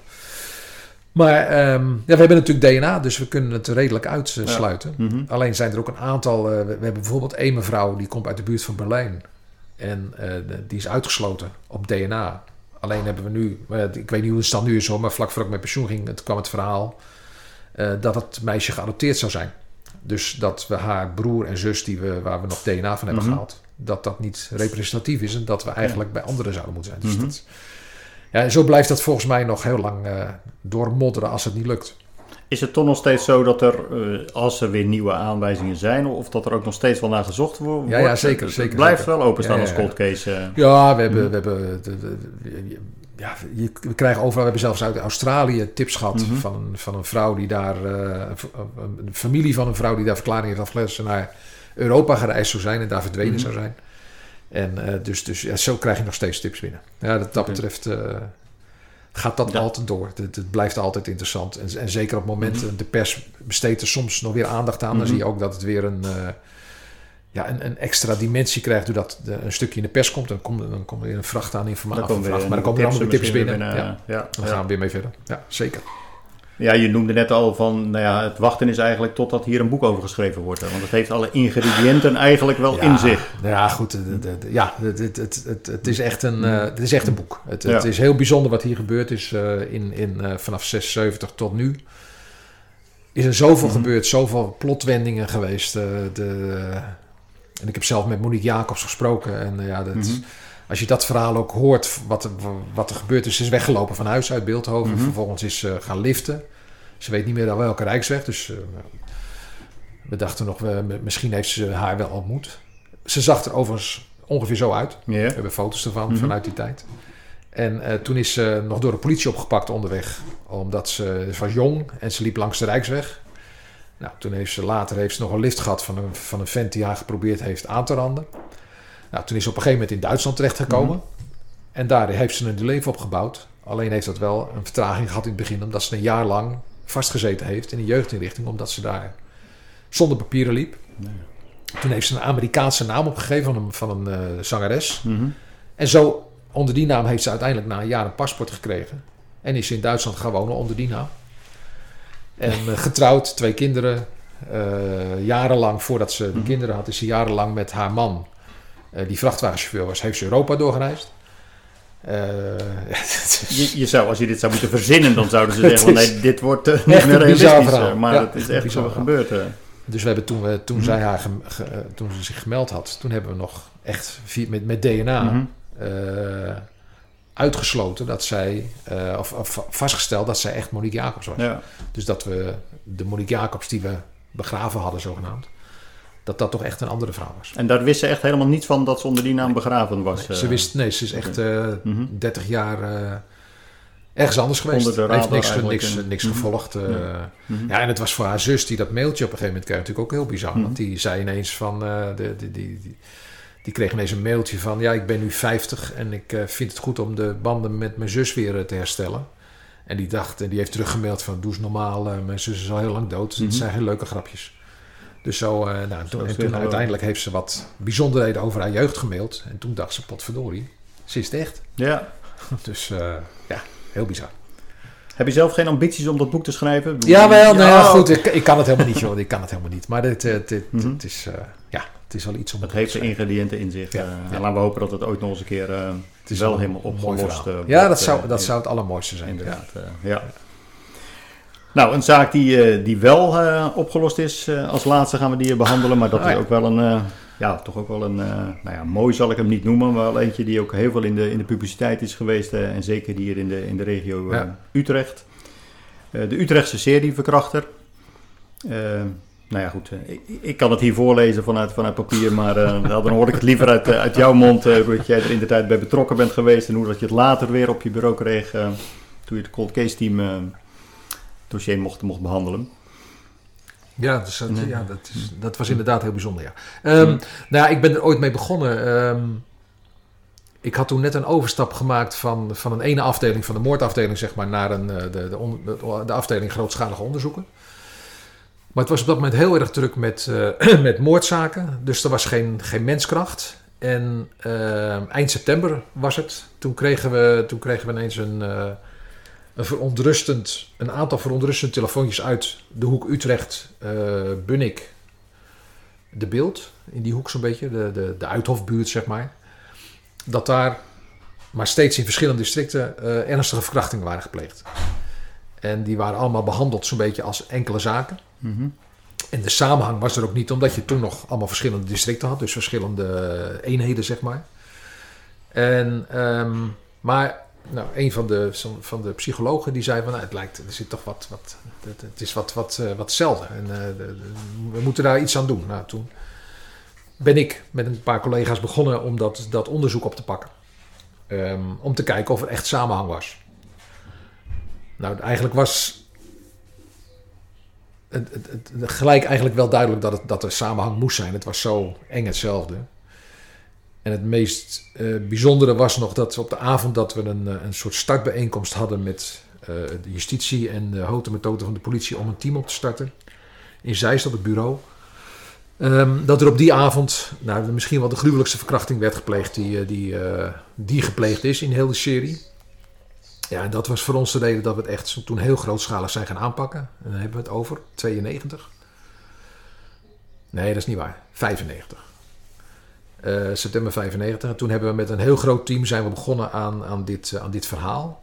Um, en het, het, het, het vervelende van zo'n verhaal is dat je uh, we zijn gewend om te werken vanuit een rustige casus. Dus de moord is gepleegd, het feit is gepleegd. -hmm. En uh, ja, de, de, verder hoef je daar niet zoveel aan te doen. Nu zaten we met een vent die uh, feiten pleegde nog. Want ja. ja. op het moment dat we -hmm. dat team starten, pleegde hij nog een feit. En het bleek dat hij later op die avond nog een feit gepleegd had. En um, deskundigen vertelden ons dat gezien, dat was allemaal van augustus, september, die feiten gepleegd, dat gezien de, de mate van geweld wat hij gebruikte en de tussentijd tussen de feiten, wat steeds korter werd en het geweld steeds groter, dat we, ja, dat we ons moesten afvragen of we uh, daar niet veel groter op moesten inzetten, omdat hij, die mensen vreesden dat de doden gingen vallen. Dat het echt, dat het echt misging. Dus dat betekent ook dat we eigenlijk gelijk de eerste moment al met het dilemma zaten. Wat gaan we doen? Gaan we het publiek waarschuwen dat er zo'n gek rondloopt? Gaan we mensen waarschuwen dus? Of houden we het stil en gaan we stil reageren, mm -hmm. wat, wat dachten wij meer resultaat zou kunnen opleveren? Nou, gezien alles hebben we heel snel besloten om het toch naar buiten te brengen. Nou, dat leverde een house aan informatie op. En dat levert ook het feit op dat hij daarna nog maar één keer actief geweest is. En daarna, uh, even kijken, 2001, zes jaar niet meer. Dus wat dat betreft um, is het gelukt om die vent te laten stoppen. Mm -hmm. Maar is het niet gelukt om hem te pakken toen. En ik heb wel eens gezegd, ik, ik, er zijn weinig onderzoeken waar we toen zo verschrikkelijk veel aan gedaan hebben als aan dit onderzoek. De, de, Utrechtse politie lag helemaal stil. De, de, de avond en de nachten werden, werd het, de uithof helemaal blauw geschilderd. Daar zat verschrikkelijk veel politiemensen. Mm -hmm. um, maar het is ons niet gelukt, ook tactisch met, de, met rechercheren niet, om, uh, om, om iets van die vent te vinden. We, we, hebben de plekken doorzocht natuurlijk, technisch geprobeerd uh, dingen te zoeken, te vinden. Um, wat we op een gegeven moment wel hadden, is dat er een, een tweetal feiten op dat moment aan elkaar gelinkt konden worden door uh, DNA. Mm -hmm. Alleen het DNA was toen nog in de kinderschoenen. Je moet niet vergeten dat 95 was, was DNA ja, eigenlijk net begonnen. Dus het was ook nog heel onduidelijk. Um, achteraf hebben we wel gezegd van ja, uh, want hij heeft de, de, de, de, vrouwen bij de, bij de jas gepakt, bij de kleren gepakt, uh, op de fiets mm -hmm. gepakt. Maar we wisten niet dat je daar toen, dat wisten toen nog niet, dat je daar ook DNA van kon afhalen. Dus daar hebben we niks mee gedaan. Dus we echt van sperma hebben we, een, hebben we een aantal DNA-monsters kunnen nemen. En in twee gevallen is dat aan elkaar kunnen matchen, in alle andere gevallen niet. En de meeste waren ook pogingen. We hadden van de 14 zaken geloof ik zes voltooide feiten, vijf of zes. En voor de rest waren het allemaal pogingen. En uh, we hebben ook op een gegeven moment gepubliceerd, uh, want dat was ons wel duidelijk, dat wanneer de vrouwen zich verzetten, gingen schreeuwen, dat hij dan ophield. Dus dat hebben we ook bewust ge, hebben we dat gecommuniceerd mm -hmm. in, de, in de media. Met name ook in het gebied van de, van, van de uittocht waar veel studenten zitten, hebben we heel veel informatie aan mm -hmm. studenten in de aula's gegeven. Op de sportverenigingen die daar zijn. Um, om, om, ja, eigenlijk om de mensen te waarschuwen. Tegen ons eigen gevoel in eigenlijk. Van ja, waarschuwen betekent dat je, dat je hem ook afschrikt. Mm -hmm. Nou, dat blijkt ook gebeurd te zijn. Um, wel een heel mooi onderzoek, zeg ik dan maar vanuit de politiekant. Want we hebben wel, uh, we hebben wel heel veel kunnen doen aan, aan het hele onderzoek. En heel veel kunnen rechercheren. Alleen niet tot, heeft dat niet tot resultaat geleid. Totdat hij zes, zes jaar later weer toesloeg, maar dan op een hele andere plek in het beeld. En daar een meisje uh, vastgebonden heeft, een meisje van 16 jaar trouwens, vastgebonden heeft aan een, aan een boom. Verkracht heeft, vastgebonden aan een boom. En daar aan, aan, met tie rips. En daar uh, achtergelaten, midden in het bos. Mhm. En uh, ze is gelukkig later door haar vader, uh, maar dat was inmiddels wel één uur, half twee, gevonden in het, in het bos. En um, ja, echt een gruwelijk mhm. verhaal. En nou, de collega's die er toen bij kwamen, die zeiden gelijk af van... Het lijkt, het lijkt wel op de serieverkrachter. En dat heeft weer te maken met het feit dat als je al die aangiftes las, dan waren ze ook allemaal hetzelfde. Het was echt een, de, de, de deskundigen noemen dat de handtekening. Mhm. Het was echt zijn handtekening. de, de feiten die hij pleegde, de volgorde waarop hij de, de, handelingen pleegde. Het, elke keer als ik het las, en ik heb het toen ik Cold Case deed, ging doen, weer gelezen. Zo, zo gruwelijk hetzelfde. Dat je, dat je dat je denkt van ja, die, die is echt totaal geknipt, verknipt uh, om, om het zo te doen mhm. en om die vrouwen uh, zoiets aan te doen. Dus dat, uh, ja, de, dus eigenlijk hadden collega's toen al in 2001 het idee van ja, dat moet hem zijn. Maar twee dagen later werd inderdaad met DNA bevestigd dat hij het was. Ja, toen is weer een gigantisch mhm. team uh, van de grond afgetild. Toen is niet alles blauw geverfd. Het was ook lastiger, want het was een behoorlijk stuk van de Uithof af. Een kilometer of 20 denk ik wel. Helemaal aan de andere kant van de beeld. Um, dus dat maakte, het, uh, dat maakte het qua gebied lastiger. Maar we hebben wel heel veel uh, gewerkt met politiemensen die er waren. Uh, met, met, met reguliere mensen die veel meer in het gebied waren, die veel alerter waren. Allerlei protocollen gemaakt van als er een melding komt, dan dit. Mm -hmm. als, er, als jullie iets zien, dan dat. Nou, zo heel, hele grote protocollen gemaakt van wat er allemaal gebeuren moest op het moment dat, dat hij zich zou, zou laten zien. Maar ook toen, uh, dat, dat, daarna is stil geweest. We hebben nog wel twee pogingen in diezelfde periode gehad, maar die waren voor, dat, voor die verkrachting gepleegd. In de Uithof trouwens wel. En het verschil was dat hij in uh, de eerste serie op een, mountainbike, op een fiets reed. En de tweede serie op een brommer. En uh, dat was eigenlijk ook het enige verschil met, met, hmm. met, het, met de feiten. En het, het grote voordeel van de DNA was dat we nu, of grote voordeel, maar we hadden nu drie zaken op DNA. Want dat derde feit matchte bij die eerdere mm -hmm. feiten in 95. Dus zo, um, ja, zo hadden we een serie verkrachten die weer actief was. Jarenlang is er onderzoek gedaan, grootschalig trouwens. De anderhalf, twee jaar zijn ze wel bezig geweest. Um, ook zonder resultaat. En daarna is er met een klein clubje en steeds een kleiner clubje verder gegaan. Dus dan heb je het uh, in 2006, geloof ik, uh, is dat teruggegaan naar twee regisseurs. En die zijn er eigenlijk vanaf 2006 tot 2014 nog vrijwel fulltime mee bezig geweest. En dat is eigenlijk hetzelfde verhaal wat ik net vertelde. Als er dan weer een jaar voorbij was, dan ging de pers er weer over schrijven. Mm -hmm. En dan kreeg je weer allemaal tips. En dan waren de jongens weer bezig. Peter de Vries is heel actief geweest in deze zaak. Dus daar kregen we ook regelmatig mhm. tips van binnen. Um, alleen in 2014 um, was het cold case team er inmiddels. Onze officier van justitie, we hadden een vaste officier van justitie, Daphne van der Zwan. Die uh, had de serieverkrachter ook in haar portefeuille. Maar hij werkte met andere, een ander team uh, van, van jeugd en zeden. En die zei van ja, dat is onhandig. Uh, ik wilde dat, dat die zaak ook bij het cold case team komt. Dus in mei 2014 is die zaak formeel overgedaan aan ons, aan ons cold case team. Uh, met gebruik maken overigens nog van die collega's van de Jeugd en Zeden. Die werden, zouden bij ons worden inge, ingekwartierd. Uh, dus we zijn weer aan het lezen gegaan. We hebben plannen gemaakt. We waren op dat moment echt bezig met een tip die Peter de Vries gegeven had. Um, dat nou, zag er op zich aardig uit. En nog drie andere tips. Nou, daar waren we actief mee bezig. Ja, totdat we 15 juli geloof ik, 14, 15 juli, een telefoontje kregen. De, de, de, ik was nog hier, ik was hier thuis, s'avonds, dinsdagavond. En uh, mijn telefoon ging. Mhm. En we hebben binnen bijna geen bereik, dus ik liep volgens mij naar buiten of naar de garage. Mm-hmm. Naar de garage, geloof ik. En uh, er was de officier van justitie van uh, die forensische deed. en die zei: We hebben een match op de serieverkrachter. En dan denk ik: Verdomme, het zal toch niet?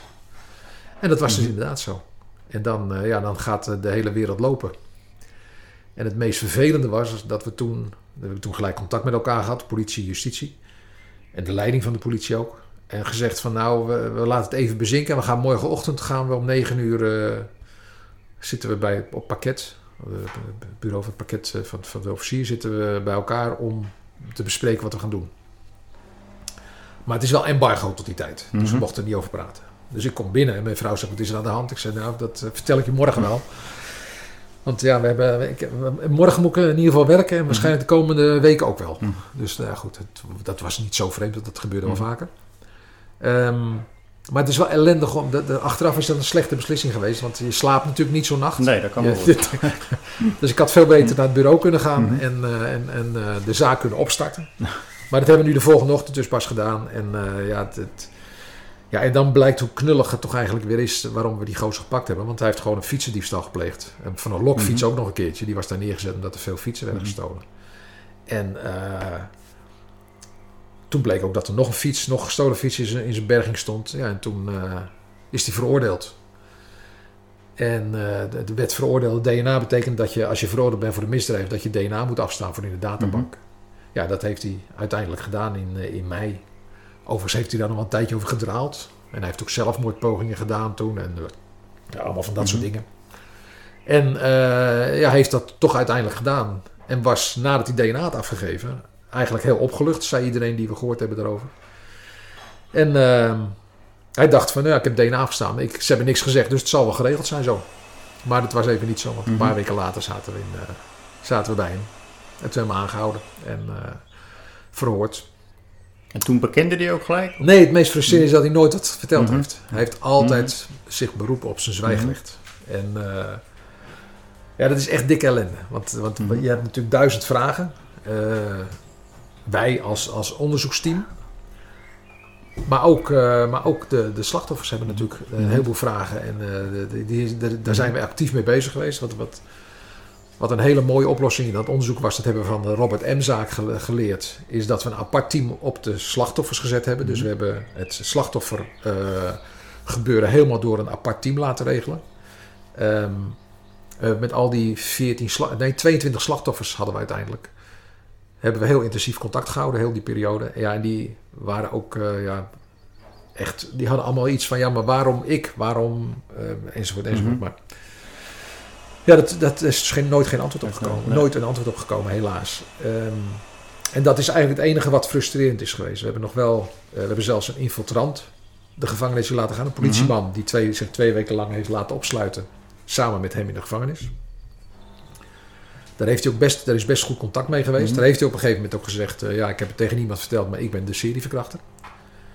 Maar dat was voor de rechtbank niet voldoende om te zeggen van... nou, eh, de, de, de, we, we gaan, we, gaan Mhm. dat, eh, we gaan het als bewijs meenemen. En eh, ja, wat, wat de grootste discussie in de hele afwikkeling was... tussen de officieren van justitie en de teamleiding en wij... was eh, hoeveel zaken we nou voor de rechtbank zouden brengen. Er waren 22 feiten gepleegd... Waarvan heel veel pogingen trouwens, die mogelijk al verjaard Mhm. waren. En we hadden zeven verkrachtingen, waarvan van drie DNA hadden. Uiteindelijk hebben we via het NFI een vierde daarbij kunnen doen. Dus we hadden vier zaken Mhm. waar we DNA van hadden, wat we naar hem terug konden brengen. En eh, justitie vond dat ze maar vier zaken voor moesten brengen. En wij hebben al die tijd gezegd, eh, hij heeft er 22 gepleegd. Wij vinden dat de rechtbank daarover moet beslissen en niet een officier van justitie. Mhm. En ik moet zeggen dat we, we hebben verschrikkelijk goed samengewerkt met justitie eh, op dat moment. We werden ook eh, volledig meegenomen en gehoord in al onze argumenten. Het was echt, eh, ja, echt eh, geweldig, vond ik dat. Heel erg goed. Ehm, en justitie zei van nou, we, moeten een keus maken. op een gegeven moment in een, in een hele kleine vergadering met z'n vier of vijf zaten. En Michiel Verleent, officier, zei toen van... ja, we, we, we gaan nu de keus maken. Ehm, wat gaan we doen? Gaan we voor de zekerheid dat hij gestraft wordt? Maximale straf. Of gaan we voor de onzekerheid dat hij voor meer zaken wordt veroordeeld... maar minder straf krijgt? En de reden was natuurlijk als je 22 zaken voorbrengt... waarvan je er 10, 12 niet bewijzen kunt... dus waar hij voor vrijgesproken wordt... eh, kun je dan vasthouden dat hij die hoge straf zou moeten houden. Want we kwamen uiteindelijk uit op een maximum te eisen straf van 16 jaar. Of de andere optie was, of gaan we voor die vier zaken en gaan we daar volledig voor. En laten we het hele woord serieverkrachten vallen, maar zeggen gewoon hij is verdacht van vier ernstige verkrachtingen Mhm. over een periode van zoveel tijd. En dan kom je uit over 16 jaar. En voor al die vier wordt hij, denken wij, veroordeeld. Want hij heeft die feiten, de, de, de, we hebben de DNA, DNA, daarvan. ja. Nou, toen, nou, na ampel beraad besloten om dat voor het laatst te gaan. Mhm. En dat heeft perfect uitgewerkt. Want hij is voor, eh, voor, voor, die, eh, voor alle zaken, die vier zaken is hij veroordeeld. 16 jaar gevangenisstraf. En wat ik heel mooi vind, is dat justitie, de twee officieren van justitie hebben met elk slachtoffer afzonderlijk een gesprek gehad. En met elk slachtoffer, eh, af- afzonderlijk precies uitgelegd waarom ze tot die beslissing zijn gekomen. En alle slachtoffers hebben gezegd van ja, dat, eh, dat snappen we. Mhm. En dat vinden we goed. En eh, ja, dus dat, ja, ik moet zeggen dat dat hele proces wat er geleid, geleid heeft tot dit, tot dit eindresultaat was geweldig. Ook in hoger beroep Mhm. later nog een keertje. Dus hij zit voor 16 jaar eh, zit hij vast, wel dan weliswaar met aftrek. En hij moet nog een, eh, enkele tienduizend euro's Mhm. betalen aan het slachtoffer. Oké, ook dat nog. ja. Ja, en als hij dat niet betaalt, en hij zal het niet kunnen betalen, Mhm. moet hij dan nog weer een paar honderd dagen extra zitten. Oké. Ja. Dus Ja. Hele bijzondere zaak. Echt een, eh, de, de, het, is ook wel, het is ook wel bijzonder dat je natuurlijk eigenlijk door zo'n beetje door je hele loopbaan die zaak. eh, Nou, zeker omdat je in het begin hebt. natuurlijk dan Ja. erbij betrokken bent geweest en dat later eh, nog een keer terugkreeg. dat maakt het wel. en het grapje natuurlijk ook, wat wij altijd gehad hebben is Mhm. van ja jongens, had hij maar eerder naar het cold case team gestuurd die zaak, dan had hij al veel eerder opgelost. Ja. Maar niet meer dan een grapje, want dat was, had geen enkel verband Mhm. met elkaar. Nee, nee, dat is ook zo. nee. En natuurlijk, ja, bedoel, jullie hebben hem ook al een keer eerder op, op de radar gehad, zeg Twee maar. keer, ja, twee keer. Twee keer zelfs, inderdaad, eh, dat je hem verhoord Ja. hebt bij een van, van de velen. eh, maar goed, toen was er nog. Nou ja, de eerste keer hebben we hem eh, heel kort nadat we gestart zijn, oktober eh 95, hebben we hem gesproken Mhm. als, ja, er werd toen heel veel getipt. Mhm. We hebben toen, er was opsporing verzocht, was toen nog in de, in de, kinders, op de, in de kinderschoenen. En we hebben toen een, eh, een uitzending van opsporing verzocht gehad waarop, ik geloof, op 11, ja, iets van 1100 verschillende men- mannen werd getipt als, als dader. Mhm. Dus we hadden een verschrikkelijke berg mensen die we moesten ja, uitrechercheren. En in, in die eh, zee van namen is hij ook gehoord. En eh, ja, had hij een, een- achteraf ook lezend Mhm. een plausibel verhaal. Waar we, waar we eigenlijk niet verder mee konden. En hebben ook een, op een aantal argumenten gezegd van ja... Nee, dit is geen, eh, geen, niet iemand Mhm. waar we verder op door moeten rechercheren. Ja. En toen die later terugkwam, in, in 2002 was het inmiddels, eigenlijk alleen maar omdat hij toen op een scooter in het gebied reed en eh, zijn naam al eerder was voorgekomen, daarom is hij toen op de radar Mhm. verschenen, is er weer een gesprek mee aangegaan en toen die weigerde om DNA af te staan in die periode, ja, toen is wel nadrukkelijk gekeken of die verplicht DNA, want in 2002 eh, was, dat een, was DNA ook Mhm. nog niet zo ontwikkeld, zeker qua wetgeving. Dus je moest echt wel iets hebben, iets concreets hebben om iemand DNA verplicht te laten afstaan. Maar dat was er gewoon niet. En ook dat achteraf redenerend en bekijkend, ja, was dat ook een terechte beslissing Mhm. op dat moment. Maar wel, ja, wel, wel op zijn minst heel erg vervelend als je er naar terugkijkt. En, en eh, je, je hebt hem eigenlijk al een maand nadat je met onderzoek bent begonnen de, de voor je gehad. Ja, is ook zo, maar goed, ja, er zijn natuurlijk heel veel eh, verhoren zijn er geweest in die tijd. eh, dus, ja, Duizenden. Ja, Ja. met de kennis van nu zeggen ze dan. Nee, eh, nee, precies, zo mooi het. inderdaad, Ja, eh, het is- zo ja, dat klopt. Ja. Nee, maar het is in ieder geval iets dat... eh, Mhm. Je hebt natuurlijk in onderzoeken best wel eens dat je achteraf denkt... "Shh, dat hadden we, dat hadden we beter moeten doen. Ja. In dit geval hebben we het helemaal kunnen napluizen. En ja, met de wetenschap van toen Mhm. konden we gewoon niet anders, helaas. Nu is natuurlijk in, in deze hele uitzending is het woord al eh, diverse keren eh, gevallen, DNA. Eh, dan is eigenlijk mijn, mijn vraag, ben je een voorstander van een nationale DNA-bank? Want een groot aantal gevallen had, als, als, als iedere Nederlander zeg maar, met zijn DNA in een, in een goed beveiligde databank zou staan... Nou, nou ja, deze serieverkrachter had dan al eerder Ja. gepakt kunnen worden. Eh, andere gevallen hadden dat ook gekund. Dus je zou zeggen, het is een oplossing voor heel veel misdrijven om die op te lossen. Nee, ik ben er geen voorstander Mhm. van. En ehm, ik ben er wel een voorstander van dat mensen die crimineel zijn... of crimineel geweest zijn, dat die in een DNA-bank Mhm. komen. Maar ik, ehm, ik ben hem ook, ook wel een beetje bang voor een bank... ehm, die onder een ander regime... eh, de dingen kan doen met een DNA dan, Mhm. eh, dan wij voorzien hebben. En als je, als je een, een, een ander regime krijgt, dan, eh, dan vind, ik, vind ik dat veel te gevaarlijk. Dus ik, ik zou dat niet willen. Ik zou niet willen dat iedereen zijn DNA staat. Nee, dat gaat me net een, net een deurtje te ver. Dus ook niet in, in deze Utrechtse serie verkrachten, want eigenlijk na, eh, nou ja, met de moderne technieken, je zegt net al wa- wat je op de kleding achterlaat, had je al voldoende gehad om zeg maar hem door de databank Ja, heen te kunnen halen. En nee, je, dan- dan binnen een week had het Nee. opgelost geweest. hè? Ja, Dan maar dan ook niet. Nee, nee, nee. nee. nee dat, is- dat, eh, nogmaals, het, eh, voor, voor opsporing zou het ideaal zijn. Mhm. Maar we moeten ook nog wat op te sporen hebben natuurlijk, anders kunnen we de politie ook wel opheffen. Dus ook niet. Maar ehm, nee, maar ik, Mhm. ik, er zit ook heel veel gevaar aan DNA. Mhm. Je kunt er zo verschrikkelijk veel uithalen. En, eh, de, in de- in de- ik weet niet of je de documentaire gezien hebt over de serieverkrachter. Daar zegt een professor die daarin geïnterviewd wordt, zegt ook van ja, de DNA, dat, dat, daar, kun je, daar kun je in de toekomst verschrikkelijk veel mee. Mhm. En daar kun je zelfs elementen, dus daar kun je zelfs eh, terughalen hoe iemand eruit zag. Ehm, plus dat je etnische achtergronden en weet ik het allemaal eh, eruit kunt halen. En ehm, nee, ik, ik, dat- nee dat, dat gaat me te ver. Nou, ik zie aan mijn tijd dat we al, al vreselijk over de tijd heen gaan. Maar ja, ik, ik zit eigenlijk eh, ik zit, eh, aan, je, aan je lippen hang ik eigenlijk door al interessante verhalen. Dus nou ja, goed, eh, het zal bij de luisteraars niet anders zijn, hoop ik. Ik, ik ga het langzaam afronden.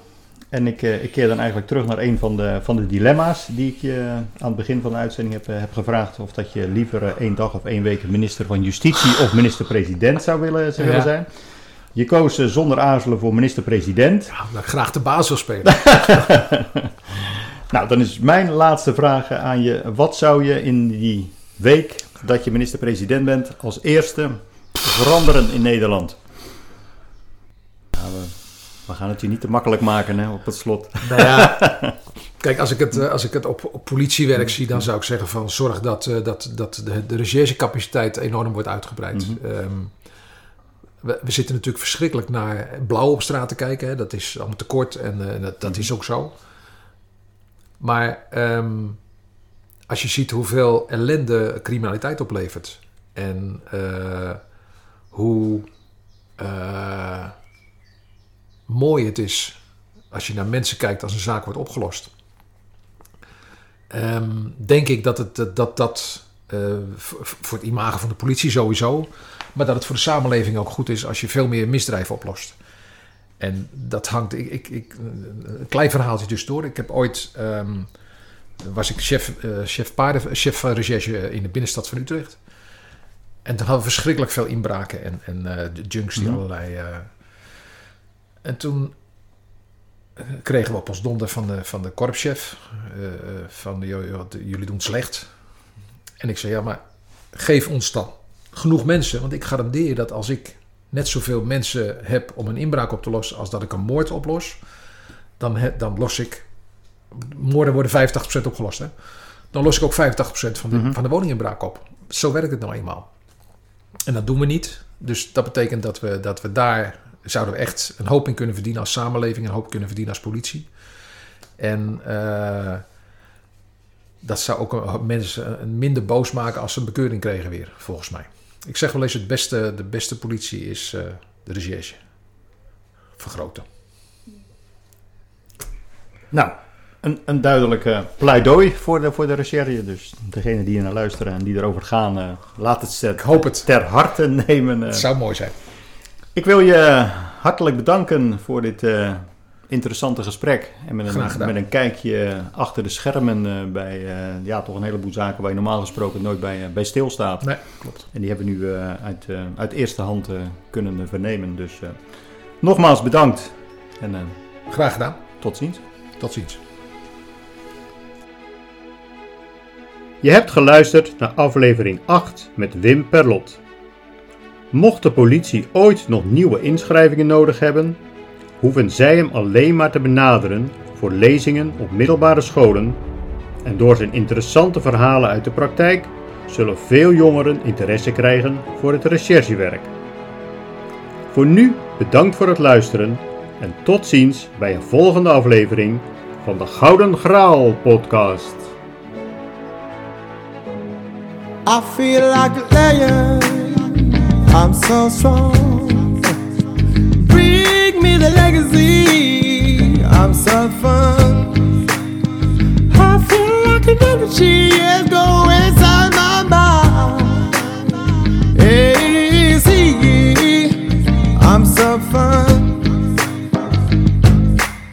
Come on, let me breathe. Uh, come on, let me breathe. Come on, let me breathe. Let me breathe. pray.